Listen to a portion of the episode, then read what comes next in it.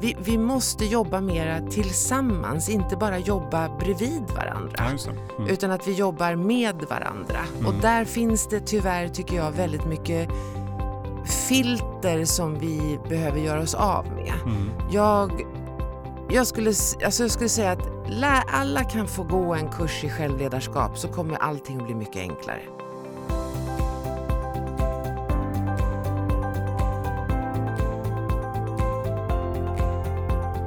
Välkommen till säsongspremiären och eh, faktiskt till 36 avsnittet av Konkurrenskraft. Podden där vi pratar om framtidens beslutsfattande, verksamhetsstyrning och ledarskap. Jag som pratar heter Robin Askelöv och är CMO eller marknadschef som det heter på Hypegen som ger ut den här podden.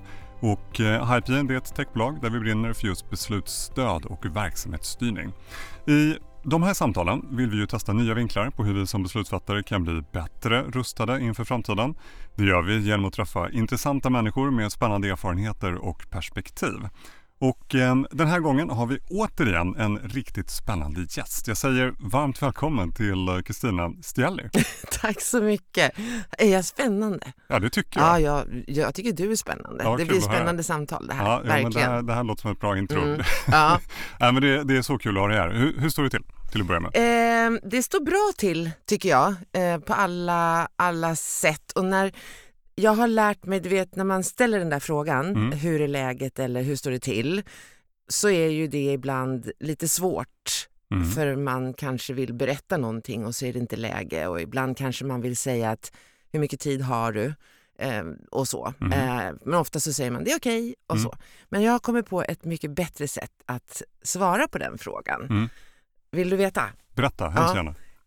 Det är mycket som är bra. Ja, om du säger så här, hur är läget? Hur är läget? Det är mycket som är bra. Då får man ju an- anledning att ställa följdfrågor. Exakt. Vad är det som är bra? Exakt, Ja. eller också så kan man faktiskt gå vidare. Man Mm. behöver inte ställa följdfrågor. Ja, det just det. visar lite grann, du får avgöra själv. Mm. Så jag har börjat köra det när någon frågar, hur mår du? Det är mycket som är bra. Mm. Den svåraste gången tycker jag när man fick den frågan, det var eh, den här klassiska efter pandemin, första gången man på riktigt träffade eh, kompisar igen efter väldigt lång tid. Ja. kunde ha gått ibland ett år eller två till och med. Och så träffas man över en lunch och man får frågan så här, hur är läget? Ja. Och då bara, ja, Var var, börjar jag? Antingen så går jag igenom allt som har pågått under de senaste två åren eller så svarar jag bara, jo men det är bra. Ja, exakt. Och så tar man det därifrån. Ja, precis. Nej, men det är svårt ibland, men det, det finns olika sätt att hantera det på. Ja, nej, men jag håller med. Du, jag tror att det är många som känner till dig, eh, kanske till och med hört dig eh, prata i något sammanhang.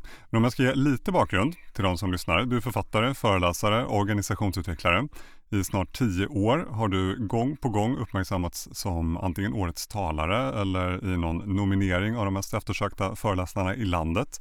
Senast förra året fick du priset som årets talare genom kategorin publikens val. Och eh, det du pratar om handlar ju ofta om att hjälpa medarbetare och chefer att hitta till bättre sätt att arbeta, att bli bättre på förändring, utveckling. Och dessutom syns du flitigt i TV4 Nyhetsmorgon där du pratar om de här frågorna. Missar jag någonting här i den, den snabba genomgången? Nej, jag, tänker, jag satt och tänkte när du pratade, tänkte att men gud, det där vill jag skriva ner, det lät ju jättebra. eh, så att eh, nej, du har inte missat någonting. Nej, ja, men så. eh, jag eh, är helt nöjd, tack så mycket. Och eh, innan vi drar igång, apropå det här med att arbeta och, och ledarskap, hur ser en vanlig dag ut för dig? Och hur jobbar du för att leda dig själv? Ah, jag har inga vanliga dagar tycker Mm. jag, utan de är ju faktiskt rätt, alltså det, det är väldigt varierande. Mm. Ibland så kan jag sova till eh, klockan åtta Mm. för att jag har uppdrag som varar kanske långt in på kvällen eller jag måste resa långt och ibland så måste jag, alltså det, det finns ingen eh, vanlig dag egentligen Mm. utan det styrs av var mina uppdrag är någonstans. Mm. Om du hade frågat mig under pandemin så hade jag kunnat tala om för dig hur en vanlig dag såg ut för då stod jag bara i en studio och webbsände. Ja, just det. Eh, och eh, det var ju eh, eh, spännande på det sättet för att jag kunde ju föreläsa för folk i Piteå och Lund och Uppsala samma dag. Just det. Eh, det är mindre spännande för att man står och försöker förmedla någon form av inspiration Mm. när man bara har sig själv.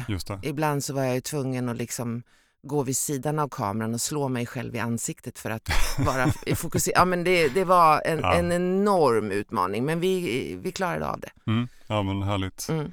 Du, eh, jag vill också bara ta upp, ehm, eh, jag sitter här med en fin gul bok som jag fick av dig. Jag tänkte passa på att göra lite reklam för den. Ja, vad snäll du Eh, dagbok för vardagslycka, det Mm. fick jag av dig här precis. 90 dagar som kan förändra livet står det också. mm. Eh, jag tyckte den var så fin. Kan inte du bara berätta, vad är bakgrunden till den här som jag har i handen? Bakgrunden är egentligen det jag jobbar med Mm. som man kan sammanfatta i ett rätt trist ord, som, eller två ord, positiv psykologi.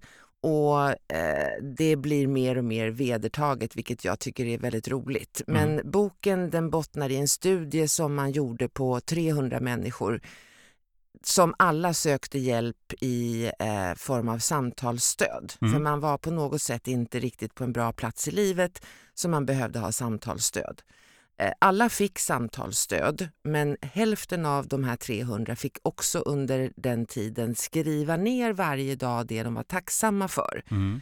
Och det här pågick i 90 dagar. Efter två veckor så såg man en tydlig eh, skillnad mellan den ena och den andra gruppens mående när man mätte. Och efter 90 dagar så såg man en bestående eh, skillnad. Så de som skrev ner det de var tacksamma för hade eh, alltså märkbart mådde bättre eh, och hade en, var lite snällare mot sig själva, Mm. var lite mer stabila mentalt. Och det där är ju inget larv längre utan när vi tittar på hur hjärnan jobbar med tacksamhet så Mm.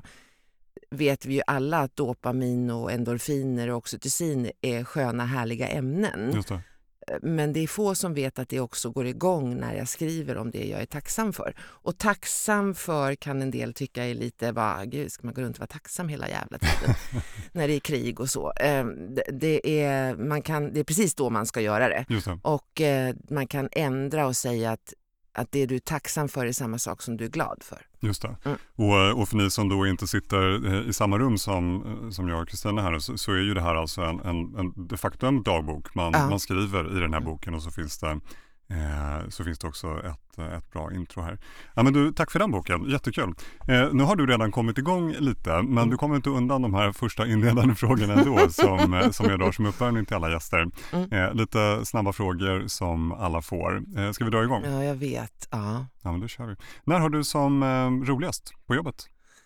När jag känner att jag kan få bidra, när jag går ut ifrån en grupp och känner att jag har vänt en eh, attityd, startat, ett, eh, eh, startat tankar om hur man kan må bättre på jobbet. Mm. Eh, det är, alltså då kan jag känna mig jag har aldrig knarkat, men typ så. Alltså, känt mig, alltså, du vet, de känner sig hög. Jag vet inte hur det känns, men det är så här. Alltså, jag Mm. har, det, det, det fladdrar i huvudet och det är liksom Mm, sockerdricka i kroppen. Mm. Eh, att få gå ifrån en grupp som, ja, det är så häftigt. Alltså. Mm. Det är Ja, det bästa. det. Det är det bästa. Mm. Mm. Vad, vad är du mest stolt över under det senaste året? Det senaste året, Mm.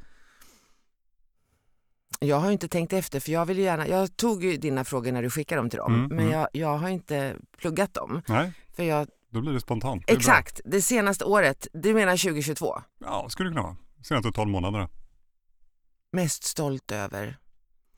Mest stolt är jag fortfarande över att jag lyckades, jo men det är jag ju faktiskt, jag är mest stolt över att jag lyckades byta en, min hyreslägenhet till en annan. Mm. Eh, det var lite trixigt, eh, så privat är det det eh, jag är mest stolt över. Mm. Men det Eh. kräver faktiskt en insats för att lyckas med. Så det. Ja, det var, det, det, det var inte svårt men det var sådär...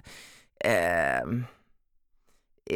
det var inte svårt men det var liksom saker jag behövde eh, så leverera, jag behövde inga pengar. Mm. Eh, jag behövde eh, ha tillit till att det skulle gå. Jag var skitnervös. Mm. Och så fick jag lägenheten som jag ville ha. Så Mm. jag är väldigt stolt över att jag, att jag klarade av det. Eh, faktiskt. Ja. Ja, men kul. Grattis Tack. framförallt. Ja, tack. Eh, du jobbar med att inspirera. Mm. Vad blir du själv inspirerad av? Andra människor. Mm. Ehm, ah, jag är jätte... jag behöver andra människor runt omkring mig. Jag kan komma in i ett rum och bli precis så här bara, men wow. Mm. Om, alltså bara genom att prata med folk. Jag, jag blir inspirerad av att ställa frågor, att, mm. att eh, vara närvarande i ett samtal mm. och fråga, men varför jobbar du med det där? Och, ja, det inspirerar mig, andra mm. människor. Och jag är ju en sån där som jag skulle kanske, jag, bo, jag är ju väldigt mycket i Italien och, och, där pratar man ju väldigt mycket med varandra fastän man inte känner varandra. Och mm. jag bestämde mig för att det ska jag ta med mig hem. Mm. Så att jag är ju den som stannar och pratar en stund mm. På, mm. på butiken och jag har mina stamställen dit jag går med vad det skulle kunna vara just för att jag vill ha mm. eh, samtalet. Ja, det är absolut. Men då kan jag tänka mig, apropå pandemin och stå i en studio, det var kanske inte den mest inspirerande perioden för dig då? Exakt, precis så. Du mm. har så rätt. Alltså mm. det var jag, lärde, jag, jag gick snabbt när pandemin slog till så gick jag snabbt ett par kurser i hur man hanterar en tv-kamera. Mm. För att de är ju väldigt duktiga som står på andra sidan. Mm. Att skapa en närvaro fastän de har bara en, en stor eh, låda framför sig. Och det är en helt annan sak än mm. att stå framför 300 personer. Mm. Så att det var en utmaning, eh, mm. verkligen. Och särskilt också. Men, men de som jag hade studion hos, de blev sönderpratade däremot i receptionen. ja, det är härligt. Jag tänker att vi eh, drar igång. Mm. Du har en väldigt bra Facebook-sida tycker jag, där du regelbundet kommer med eh, både konkreta tips och inspiration, apropå inspiration. Eh, I början av året här för några veckor sedan, då hade du ett inlägg som i all sin enkelhet var frågan, vad skulle du göra om du visste att du inte skulle misslyckas? Mm. Det är en fråga som jag tycker många borde ställa sig, mm. eh, säkert jag själv mer också. Och jag läste kommentarstråden, eh, det var lite roligt tycker jag att se vad folk hade skrivit. Det handlade ju jättemycket om att skriva böcker, flytta till andra länder, byta jobb. Vad, vad skulle du göra? Det, hade du ställt den här frågan till mig för, eh, jag säger åtta år sedan, mm. tio år sedan, så hade jag haft mycket. Men jag vet faktiskt inte allt. Jag, jag har kommit så långt ändå med eh, mig själv. Jag mm. tycker det är min hobby. Jag tycker det är så roligt. Det är så roligt när man blir förbannad på någonting för då får man lära sig någonting om sig själv. Mm. Och det är roligt när man eh, misslyckas för att man får lära sig någonting om sig själv. Mm. Och eh, jag eh, är inte längre rädd för att misslyckas. Mm. Jag känner mig aldrig misslyckad. Mm. Det innebär inte att jag inte misslyckas. Mm. Men jag känner mig, efter jag provar, jag provar jättemycket. Mm. Just för att jag vet att jag kommer aldrig att känna mig misslyckad. Mm. Så att jag har en, en jag har en, en upptränad mental krockkudde mm. där så att jag vet att eh, jag kan ge mig på i princip vad som helst. Mm. Och det har jag gjort också och, och, det har varit egna saker som har varit stora utmaningar eh, för mig personligen mm. eh, och jag har gjort det och jag har inte misslyckats alla gånger, fast ibland. Mm. Så att det senaste... Alltså jag har eh, kört hundspann. Mm.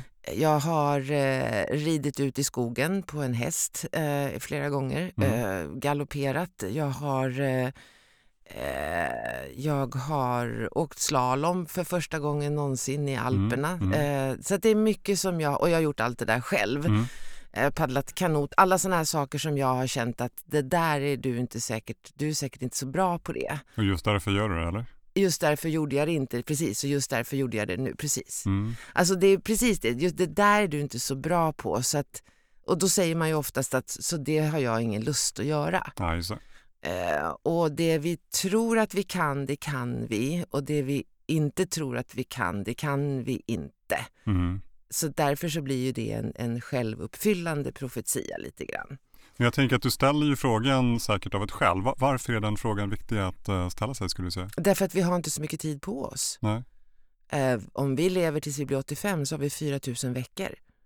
Mm, det är en jobbig tanke. Uh, och, ja, precis. Så att mm. varför skulle det, och jag, tror att, eller jag, jag tror att någonstans i den frågan så ligger också det som är mitt riktiga jag. Mm. Det som är mitt varför, det som ligger nära min passion och min drivkraft. Mm.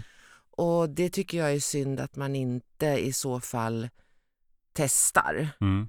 Eh, för att det är, det är ingen som ligger, tror jag i alla fall, eh, veckan innan man ska dö och säger att gud vad jag är glad för att jag inte provade allt jag ville. Nej men förstår Nej, du? men så, så är det ju. Eh, och du blir, så, du blir så otroligt rik av att eh, eh, prova saker, misslyckas men inte känna dig misslyckad. Och det hänger ihop med att man har en tränad självkänsla och, och Mm, är trygg mm. i sig själv. Men det är eh, en, en enorm vinst. Och du, jag menar efter att jag åkte slalom i eh, eh, italienska alperna Mm. Jag kom ju hem och var bättre i mitt jobb, jag var bättre i samtal, jag var eh, tryggare i mig själv. Mm. Eh, Det var en... eh, Eller när jag red ut i skogen och uppe i fjällen eh, i Jämtland.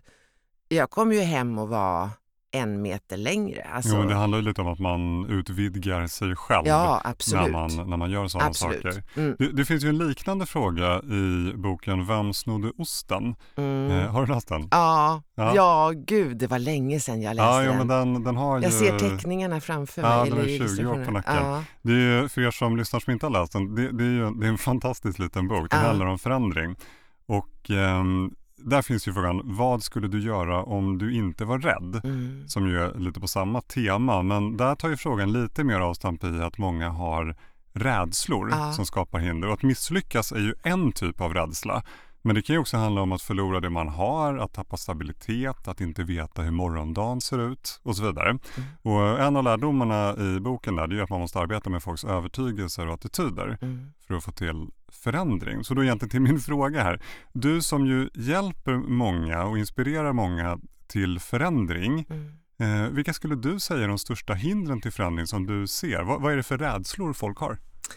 Eh, Det är eh, väldigt personligt. Mm. Alltså varje människa har, är rädd för någonting i en förändring och eh, det som kan kanske gå, tycker jag, en, en, en ledning förbi, det är att medarbetarna skulle bli tryggare av att jag får höra att nu blir organisationen mer effektiv Mm. Det är inte det som jag är rädd för utan Mm. jag är rädd för min egen trygghet, för min egen skull. Och det är väldigt och det, det, är, det är inte något negativt men det behöver man ha en, en förståelse för. Mm. Så i en förändring, eh, vi säger i en omorganisation så är eh, Ulla, Peter, Niklas, Amir och Sonja, de är rädda för olika saker Mm. men kanske visar upp en gemensam motvilja till förändringen. För man vill inte gå in och riktigt peta i det där. Ja, det. Och eh, det kan vara...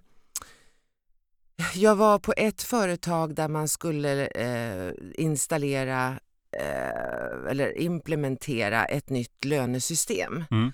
Och eh, det var en grupp, mindre grupp, som sa att det här, nej, det Mm. här är inte, det här kommer bli sämre. Mm. Och det var en, eh, en högljudd grupp. Mm. Eh, Och eh, för att göra en lång historia väldigt kort, så de uppfattades då som motsträviga Mm. som någon som förstörde, någon som till och med liksom började, det blev prat om att nu blir det psykisk ohälsa här i, i lite grund för Mm, det i mm. gruppen. Och när man sitter ner och pratar med dem så visar det sig att de är ju rädda för att de inte kommer att förstå det här Ja, nya systemet. Ja. Och då är rädslan inte något annat än att nej, men då kommer jag ju se dum ut. Just det. Eh, och jag är ju lite äldre än de andra. De kommer att fatta det här jättefort. Mm. Mm. Och jag sa det att men du kan ju gå utbildning. Ja men vad då? Tror du jag vill sitta på en utbildning i sex veckor? Tänk om jag inte förstår i alla fall? Mm. Då kommer jag ju se ännu dummare ut. Mm. Så då blir vår strategi att då, då blir jag arg och protesterar istället.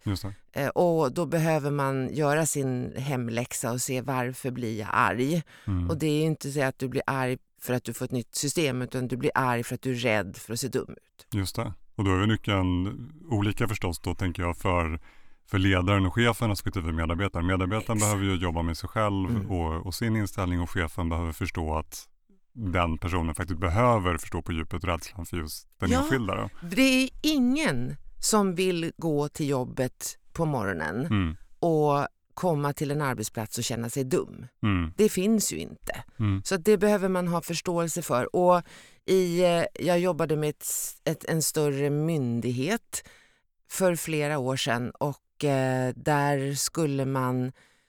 Det är väl det som har varit det som har färgat de senaste åtta åren. Mm. Att man byter eh, till ett aktivitetsbaserat ja, arbetssätt. Japp, det ja, det är ju, och där har vi ju alla rädslor på en och samma gång. eh, och det är, alltså det är allt. Det är allt ifrån att människor är rädda för att eh, jag inte kommer att göra ett bra jobb för jag kommer mm. inte att få lugn och ro.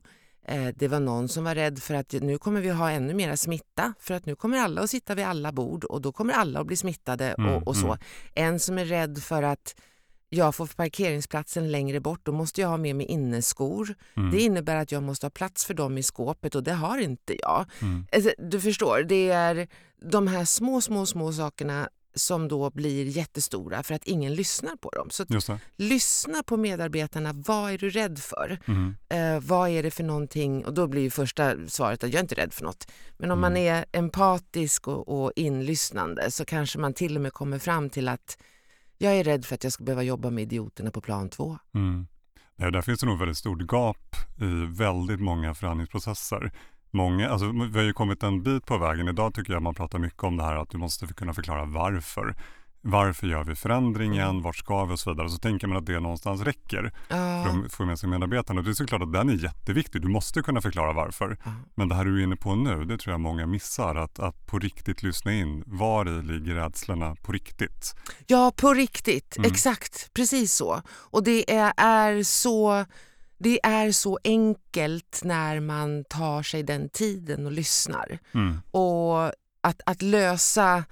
Och säga, som på ett företag så var det så var det eh, några stycken som, eh, då skulle man byta till aktivitetsbaserat arbetssätt och köket låg rätt öppet. Mm. Eh, pentryt, eller ja, köket då. Och det var ingång ifrån två olika håll och då var det en person som var arg över mm, det här mm. och han, råkade vara en han nu, spred väldigt mycket. Det blev så här bara, men gud kommer det bli så dåligt? Och han mm. pratade om hur stressad han tog fram undersökningar som visade att det här kommer inte gå och så vidare. Och när också igen för att klipp till då slutet, han var arg för han var rädd för att det skulle lukta fisk när någon kom och mikrade fisken till lunch. Mm. Just det. Och när vi löste det så sa han, ah, det kanske blir bra det här ändå. Mm, mm. Så att du behöver vara väldigt lyhörd och inlyssnande.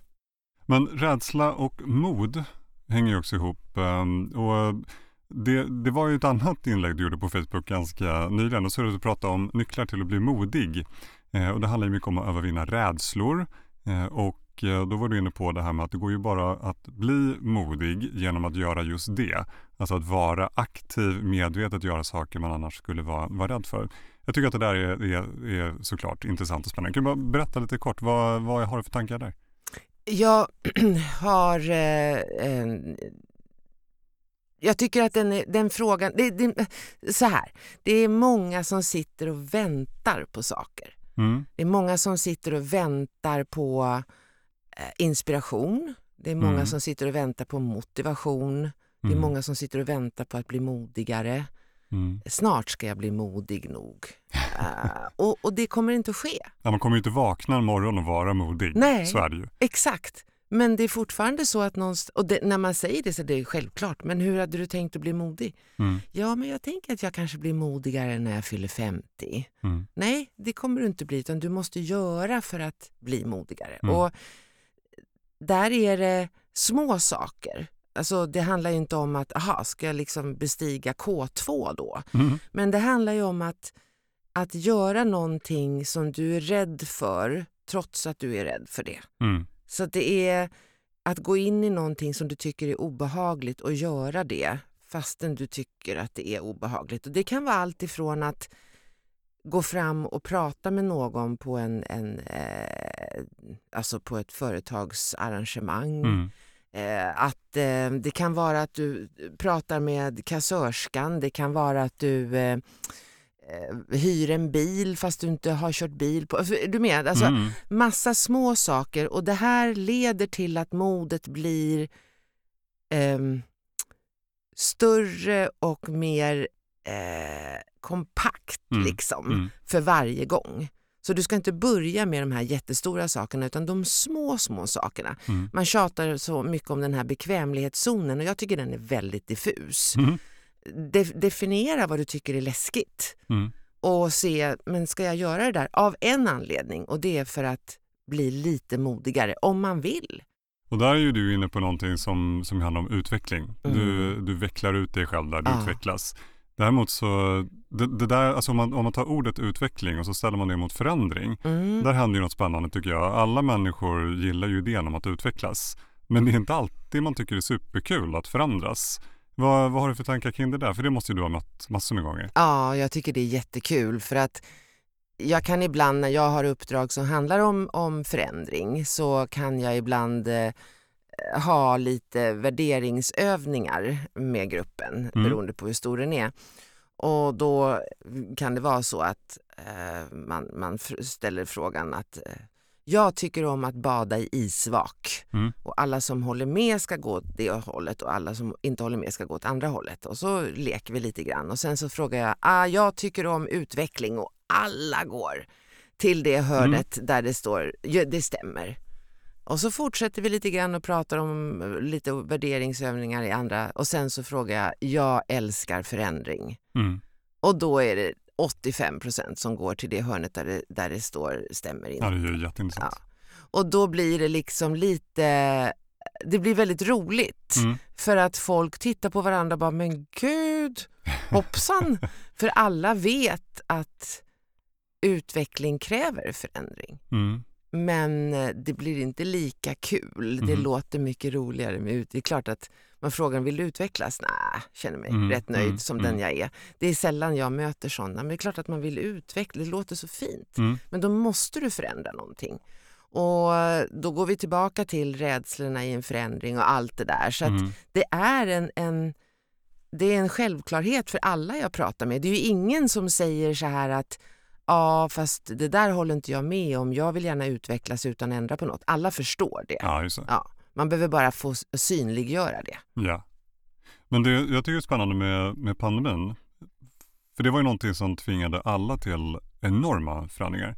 Skulle du säga att vi är mer eller mindre förändringsbenägna nu efter pandemin? Absolut. Mer? S- mer, Ja. absolut. Särskilt kanske inom vissa branscher där eh, man har varit lite motvillig till eh, förändringar Mm, och eh, till kanske digitalisering.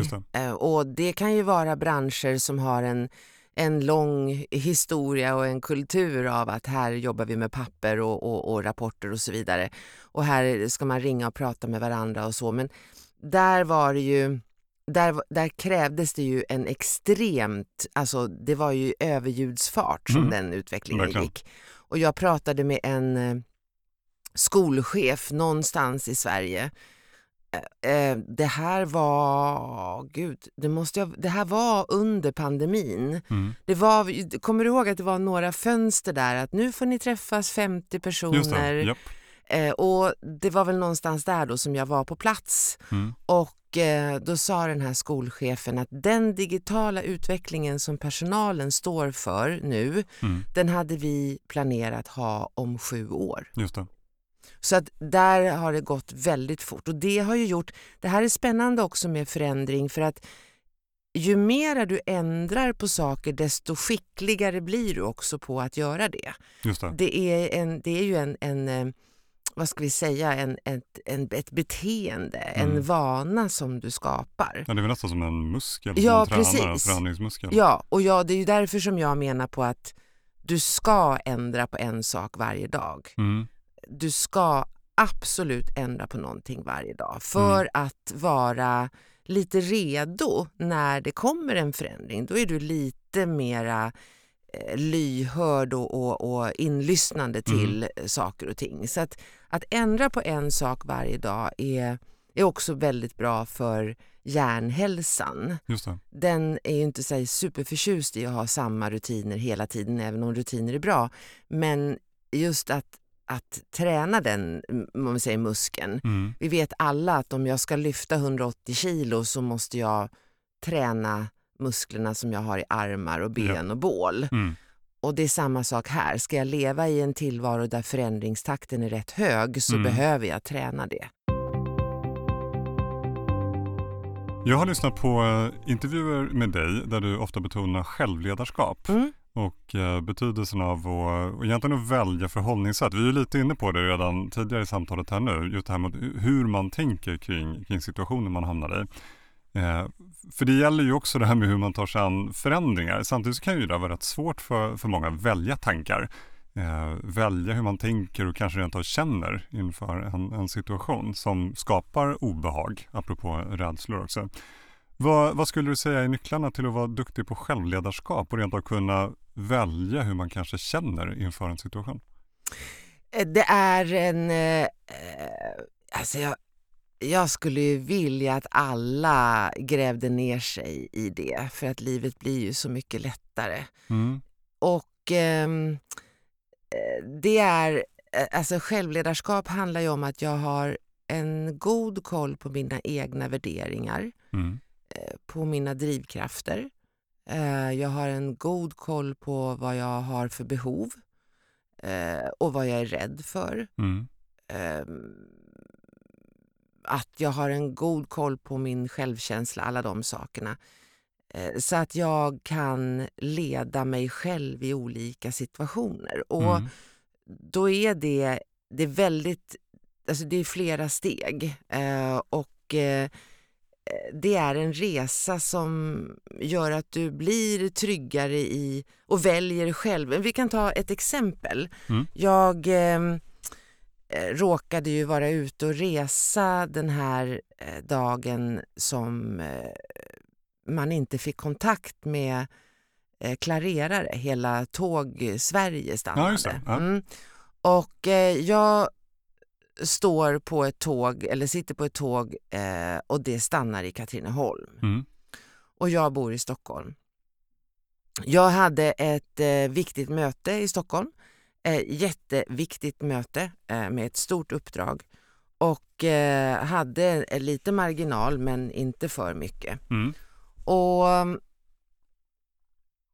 om vi nu tänker det är mörkt, för är det där på den årstiden. Eh, det börjar surra i tåget, människor börjar bli irriterade, frågar världen vad fan är det som händer? Mm. Eh, konduktören eller tågföraren säger att eh, vi får ingen kontakt och så vidare. Nu börjar mina muttrar liksom i huvudet att, att rassla. Mm. Eh, Nu börjar jag bli riktigt förbannad alltså, för att nu jävlar, alltså det. Ja. Ehm, här börjar mitt självledarskap. Mm. Eh, för det första, okej, varför är du arg? Då måste jag, alltså det, det, självledarskap handlar om att dra ner brallorna på sig själv och gilla det man ser. Ja, jag är arg för att tåget står still. Mm. Nej, varför är du arg? Mm. För det bottnar alltid i en rädsla. Jag är rädd för att inte komma fram. Mm. Ah. Va, vad skulle hända om du inte kom fram? Nej, men då skulle de ju tycka att jag är en dålig... Alltså, då är det någon annan som får jobbet. Det de, kommer inte, de kommer inte kontakta mig igen. Ja. Okej, så vad är det nu då som är hotat hos dig? Mm. Ja, Mm. Men det är min framtid, det är mitt yrke, Mm. det är, min, det är mitt rykte. Mm. Ja, det är inte så konstigt då att du är så här arg. Mm. För det är rätt stora saker som är hotade. Så att du tar reda på vad är det för någonting, för det ligger alltid hos dig. Just det. Och vad blir din handlingsplan nu då? Mm. Ja, din handlingsplan blir att ringa till dem och säga hej, jag står i det här tågkaoset Just det. Och tala om det för dem i god tid. Mm. Så att, och vad är mina behov i den här situationen? Vad är mitt behov i den här situationen? behovet är en liten stunds eftertanke, Mm. eh, lite tid. Det. Det är det. Mm. Och sen kan jag agera utifrån det. Mm. Så att du hamnar i situationer, älskar att hamna i svåra situationer för jag lär mig så mycket om mig själv. Och Men det är också där, ett förhållningssätt. ja, men det är verkligen så. Mm. Eh, och har du då inte en har du inte grundtryggheten i självledarskap, självledarskap är det många som tror att aha, ska man inte ha någon chef då? Det är absolut, det ska du ha. Det handlar inte om det. Mm. Eh, det är jättemera större utmaning att leda människor som är duktiga på att leda sig själva. Mm, Så att, mm. eh, och mycket roligare. Mm. Men en som inte då har eh, det här, vi tar mig då till eh, för tio år sedan, så hade jag ju gått till tågvärden Just det. eh, som är 22 år och frågat, hör du, vad är det som händer? Mm. Alltså ska det alltid vara så här? Va? Mm. Är det alltid på det här sättet? Mm. Det är så jävla tröttsamt. Mm. Och så hade jag inte tagit ansvar och då så, det blir mycket roligare när du tar ett eget ansvar för då har du makt att påverka. Det är lite kul att ditt exempel handlar om tåg. För, för mig kommer i alla fall upp lite, lite räls här. Mm. Antingen så, så är man i sin känsla och agerar utifrån det. Det är ju, det är ju liksom att ta rälsen åt ett håll. Eller så växlar du om och så jobbar du med medvetenhet. Exakt. Och så agerar du utifrån det istället och förhåller dig till känslan. Som du sa, dra ner brallorna på sig själv och agera utifrån det. Det blir ju ett helt annat spår. Mm. Och som leder till förstås också helt andra saker. Ja, du är, det är väldigt, alltså, du är ju du är skicklig på att formulera det. Ja, men du är det. För det är medvetenheten. Mm. Där är Mm. det jätteviktigt. Eh, och du blir ju också en lite trevligare individ. Mm, verkligen. Jag, eh, just på det här tåget då när jag hade agerat utifrån det här och inser, eftersom jag åker så mycket tåg så Mm. har jag eh, rätt bra koll på hur mycket tid olika problem tar för att lösa Mm. eh, med kontaktledning och såna här saker. Och här lät det som att nej men det här kommer inte, det, det, det är bara hitta en taxi Mm.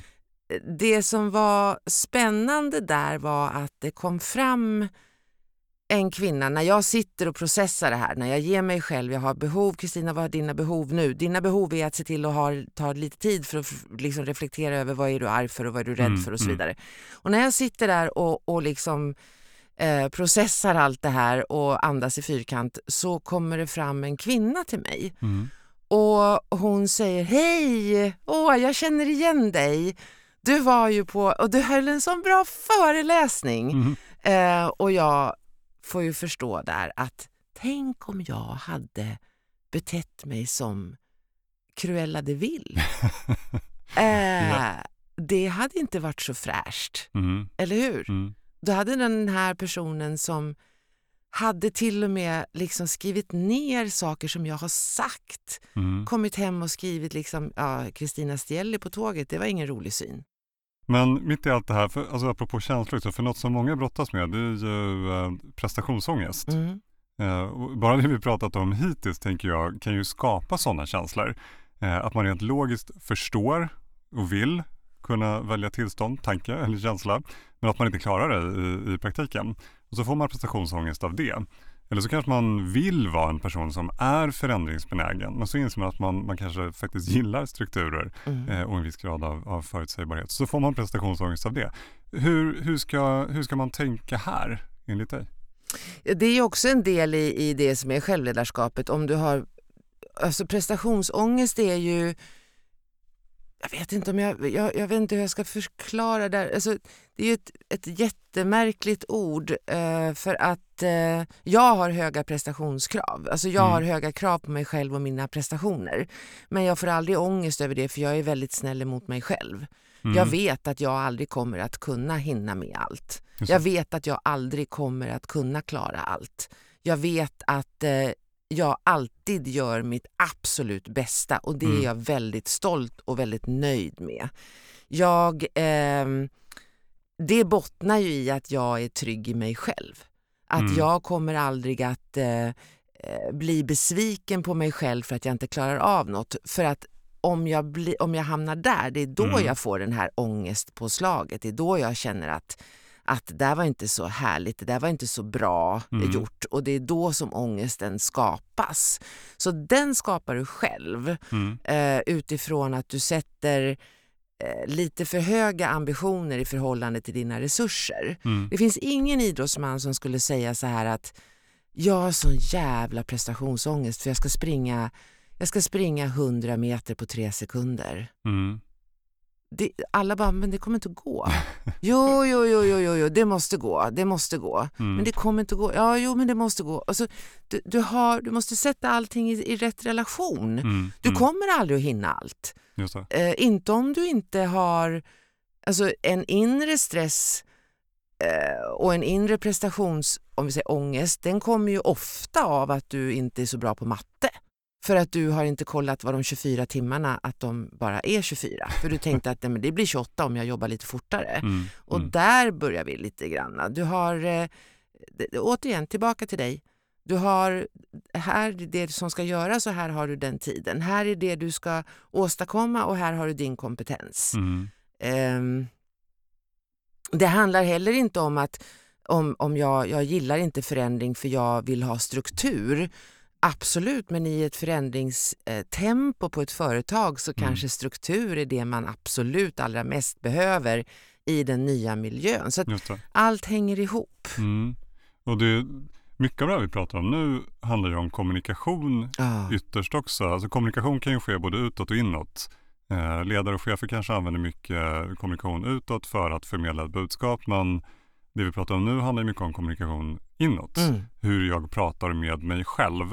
Eh, för det kommer styra väldigt mycket, Precis. eh, apropå medvetenhet. Precis. Eh, men då kommer man också in på det här med att älta i, i förhållande till att reflektera. Mm. För det är ju också, alltså apropå hur man då tänker. Mm. För vi vill ju ha in reflektion i, ja, egentligen vill ju alla kanske ha in mer reflektion och närvaro både privat och på jobbet. Men om vi tänker på jobbet så är det ju bra om man får in reflektion mer för det kan man både utvärdera liksom, hur har saker gått och lära sig och arbeta bättre framåt och sådär. Men då beroende på vad man sätter fokus så kan det där ju också bli ett ältande, att man fastnar i det som, som gick fel. Eh, vad, vad har du för tankar kring det? Eh, ja, ältande är ju farligt för oss. Mm. Det är ju också till och med så att det är kopplat till ett eh, åldrande som går fortare. Okej. Eh, det är en otroligt spännande... Eh, det, det, det var några, det var, de fick Nobelpris för sin upptäckt av telomererna 2009. Blackburn och så en till, jag kommer inte ihåg vad hon heter. Där, den boken, den måste du läsa. Okej, den ja. heter Telomereffekten. Telomereffekten. Ja, Det är, ehm, den finns som ljudbok också Mm. och den är otroligt pedagogisk för oss som inte har fått Nobelpris då än. Eh, så, Bra att så, du lägger till ett N eh, ja, eller hur. Ja. Nej, men alltså, så är den väldigt pedagogiskt skriven så man förstår. Så telomererna eh, eh, jag ska inte ge mig in på det för det tar för lång tid, men det är, ett ältande är kopplat till att telomererna som styr lite grann finns med i eh, åldrandets hastighet. Mhm. Ältande är farligt för oss. Mm. Det är jättefarligt. Och Mm. ältande är ju när man ältar någonting negativt. Det är sällan vi ältar det positiva. Mm. Ältande är ju kopplat till någonting negativt. Och då är det ju lite grann vi som, som har fått lära oss nu eh, så fantastiskt ifrån alla eh, proffs hur hjärnan eh, funkar. Mm. Och vi vet, som du var inne på, mina flykttankar då när jag vill fly från någonting obehagligt. Mm. Eh, ältandet det är att stoppa ner det obehagliga i en ostkupa och så göra det tätt runt kanterna. Just det. Du kommer alltså, du ältar någonting som är obehagligt och hjärnan vill bara ta dig därifrån. Mm. Men du har låst in dig själv. Du, det. är destruktivt, det är Mm. farligt för Mm. oss. Så ältandet måste vi hantera. Mm. Och ehm, att reflektera, det tycker jag att man ska göra med struktur. Ehm, och jag vet ju att de flesta företag när de har haft ett, eh, ett stort projekt eller mindre projekt så har man ju gått igenom, okej hur gick det nu? Vad kan Mm, vi mm. lära oss till nästa gång? Och jag tänker så här, okej vi har 4000 veckor på oss. Mhm. Varför varför tar vi inte så här, okej, okay, vad hände den här veckan? Vad kan jag göra för någonting för att det ska bli bättre nästa Mm. vecka? Mm. Det är väl klart att vi ska reflektera över våra liv Mm. eh, med struktur. Eh, och då eh, så kan man göra det på olika sätt. Och jag har ju eh, tagit till mig eh, det som jag har lärt mig att också lyfta fram saker som inte var så bra. Mm. Så man kan skriva ner det man eh, har gjort bra. Mm. Eh, det tycker jag är jätteviktigt att göra. Mm. Och Det är inte så här att ah, jag räddade en katt och sen så gjorde jag hjärt och lungräddning på en pensionär. Nej men alltså det är så Det här, kan vara det lilla också. Ja, det är det här. Bra idag var Mm. att jag kom upp ur sängen, Mm. för det var så tungt. Mm. Ehm, och så skriver du ner vad du har gjort bra. Du kan skriva ner det du är tacksam för Mm. eller du kan skriva ner det du är stolt över. Lite olika. Det får du välja själv. Mm. Ta det som känns bra. Men sen också skriva ner det som var mindre bra. Mm. Och mindre bra kan ju vara då, om vi tar tillbaka tågexemplet, om, jag hade, om mitt topplock hade fått gå Mm.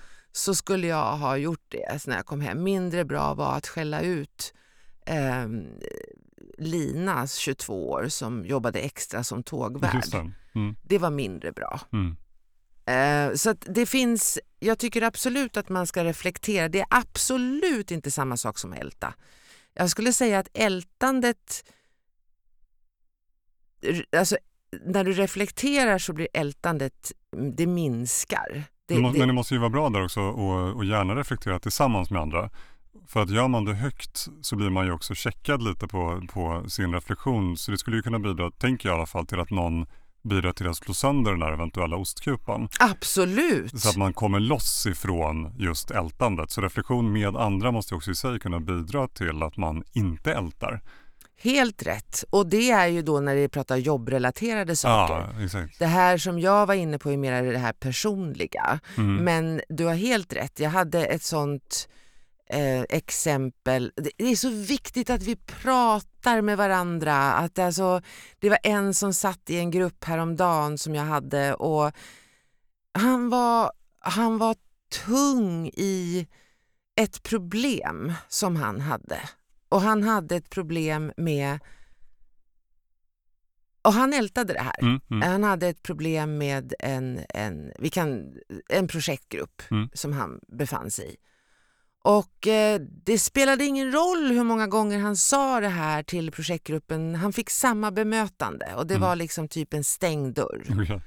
Och när vi pratar om det här i gruppen så vänder sig en kollega om till honom som inte jobbar i samma projekt och inte ens i samma eh, stad Mm.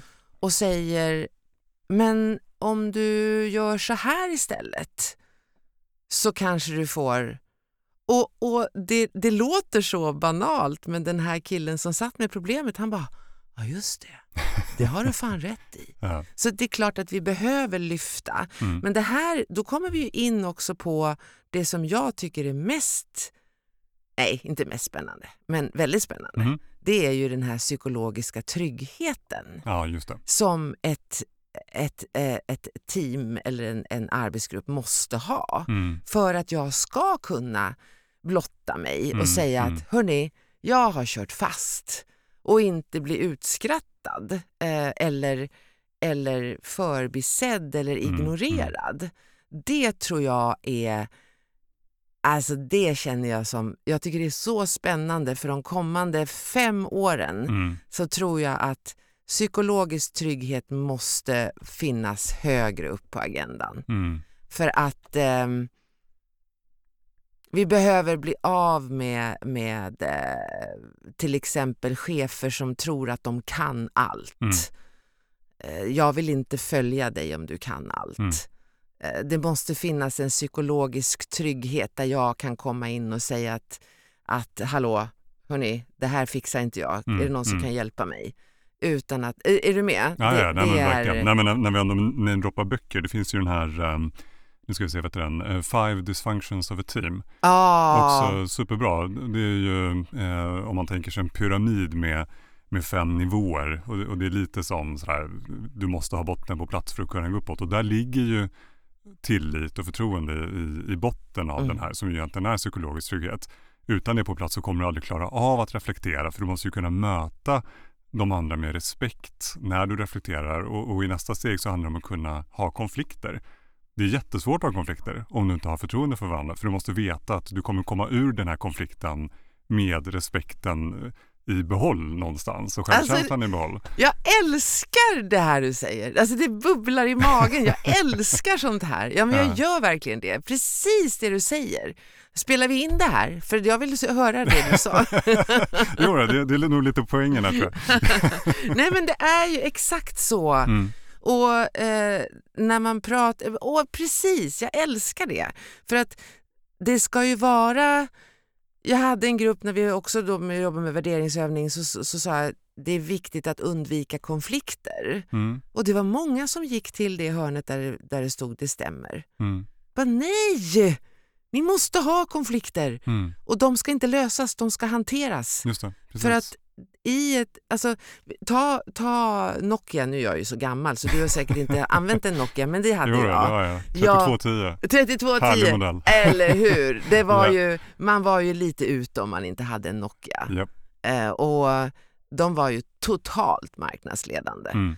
Och det vet vi ju allihopa att de försvann rätt fort Mm. i samband med att smarta telefoner dök upp på marknaden. Men det finns nu, åh jag tror att jag, ehm, ja jag har den hemma, jag har inte det med mig, men man har tittat väldigt djupt på det här Mm. och eh, fått klart och fått fram att de som satt med operativsystemet Mm. hade en rädsla för att det här kommer inte att hålla. Mm. Det här kommer inte att hålla. Eh, det snackade de om, Mm. men de vågade inte gå till mellanchefen och berätta det. De Mm. hade gjort det en gång och fått veta bara gå tillbaka och sätt er i hörnet och jobba. Mm. Typ så. Eh, så att där menar man på att den psykologiska tryggheten, hade den funnits så hade kanske Nokia varit någon annanstans idag. Just det. Så att Ja, det är, de var rädda för att skapa en konflikt. Mm. Och, och tänk då om man säger där, nej vi går inte till Hansi och säger det för han blir så jävla förbannad. Ja men tänk att det, någonstans är det ju så. Mm. Eh, och jag tycker att det är eh, otroligt spännande. Jag menar Mm. tänk den personen som först sa om vi, åk, om, om vi åker till Kiruna, för jag var i Kiruna för en tid sedan. Mm. Tänk den personen som, det måste ju någon ha sagt det först. Mm. Men hörni, ska vi inte flytta på stan? Eh, alltså, snacka om att ha psykologisk trygghet Ja, där. Alltså ja. för att någon måste ju ha sagt det utan att vara rädd för att bli utskrattad. Ja, ja, ja, absolut. Och någon måste dessutom ha klarat av att hålla med. Ja, exakt! Ja. Så att det behövs, eh, och det kan jag säga, det har ju varit där, de håller alltså stan är ju, den flyttas ju. Ja, det, alltså det, det, jag- tycker man pratar alldeles för lite om det där. Jag tycker Visst det, är ett- gör det är vi. ett fantastiskt projekt. Ja, Helt galet. Helt nödvändigt antagligen, men, men helt galet. helt galet. Ja. Alltså alla som är intresserade utav förändring Ja, borde åka till Kiruna. ja, ja, ja verkligen. och, och, och, och, och liksom titta på riktigt hur de gör. Mm. De ska flytta kyrkan nu Mm, och kyrkan är 40 gånger 40 meter. mm, Så den är lite stor. mhm. Och den ska de dra på en vagn. Ja, de ska på riktigt lyfta upp den på Flytta, en ja. vagn. Ja, men, men för att de ska kunna göra det så måste de bygga nya vägar. Mm, så det håller de på med nu. Åh, herregud. Så det, det är helt Pra, alltså, om du tycker att det är jobbigt med förändring, åk till Kiruna.